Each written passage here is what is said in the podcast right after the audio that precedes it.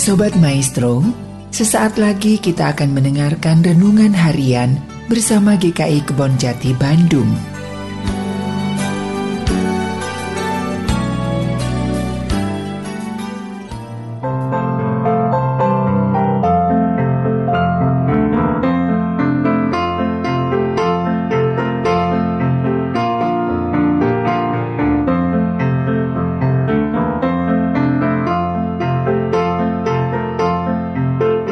Saudara sekalian, jumpa kembali dalam Renungan Harian GK Kebon Jati bersama saya Pendeta Yoca Henry Karo. Renungan kita hari ini bertemakan Ingronius Aibalitus yang berdasarkan kitab 1 Raja-Raja pasal 19 ayat 1 sampai dengan 8. Pusat permenungan kita diambil dari ayatnya keempat yang berkata demikian. Tetapi ia sendiri masuk ke padang gurun sehari perjalanan jauhnya, lalu duduk di bawah sebuah pohon arar, kemudian ia ingin mati katanya. Cukuplah itu sekarang ya Tuhan, ambillah nyawaku sebab aku ini tidak lebih baik daripada nenek moyangku. Saudara sekalian, apakah yang dimaksudkan dengan Ingronius aibalitus? Ingronius aibalitus adalah kelainan yang menyebabkan bola mata bertumbuh ke arah dalam. Dampaknya tentu saja mereka yang mengidap penyakit ini akan mengalami kesulitan untuk melihat dengan jelas dan jernih. Saudara sekalian, seorang pemikir dan penulis Kristen yang bernama Chuck Swindoll menggunakan istilah Ingronius aibalitus ini untuk menggambarkan penyakit rohani yang kerap menghinggapi orang percaya. Penyakit apa yang dimaksudkannya? Yaitu kecenderungan untuk mengarahkan atau membesarkan perhatian pada diri sendiri sampai pada taraf mengasihani diri sendiri.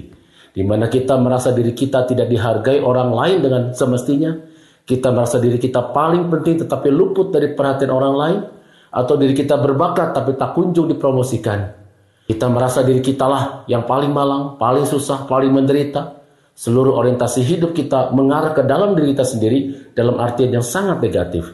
Sehingga kita tidak dapat melihat dengan jernih kehidupan yang kita jalani setiap harinya, apalagi mengucap syukur atas kehidupan yang kita jalani. Saudara sekalian, di dalam 1 Raja-Raja 19 ayat 1 sampai 8, kita mendapatkan kisah mengenai Elia. Setelah Elia mengalahkan nabi-nabi Baal, Isabel istri Raja Ahas yang sangat membenci Elia, Melalui suruhannya mendatangi Elia dan mengancam akan menangkap Elia dan jika perlu akan mencabut nyawanya Elia. Tentu saja Elia sebagai nabi pernah menghadapi ancaman lain sebelumnya. Namun tak mengapa kalinya Elia ambruk. Bahkan dia sampai lari ke padang gurun dan di bawah pohon arar jadi kuasai oleh rasa mengasihani diri yang sangat parah sampai ia ingin mati rasanya. Ia melihat dirinya paling malang, paling susah dalam hidup ini. Mata Elia berfokus ke dalam dirinya sendiri sampai ia tidak mampu lagi mengenali keberadaan dan penyertaan Tuhan dalam hidupnya. Ia merasa dibuang dan ditinggal Allah sendirian.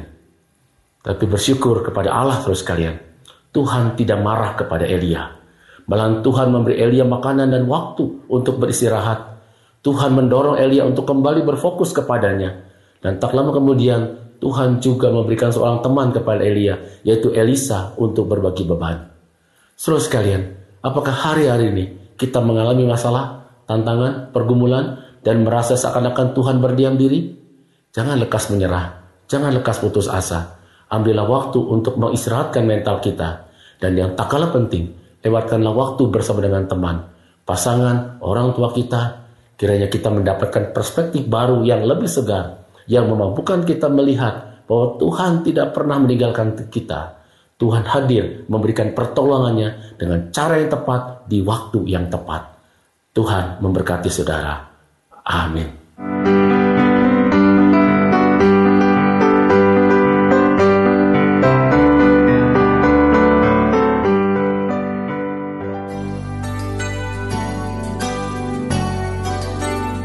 Sobat Maestro, baru saja Anda mendengarkan renungan harian bersama GKI Kebon Jati Bandung.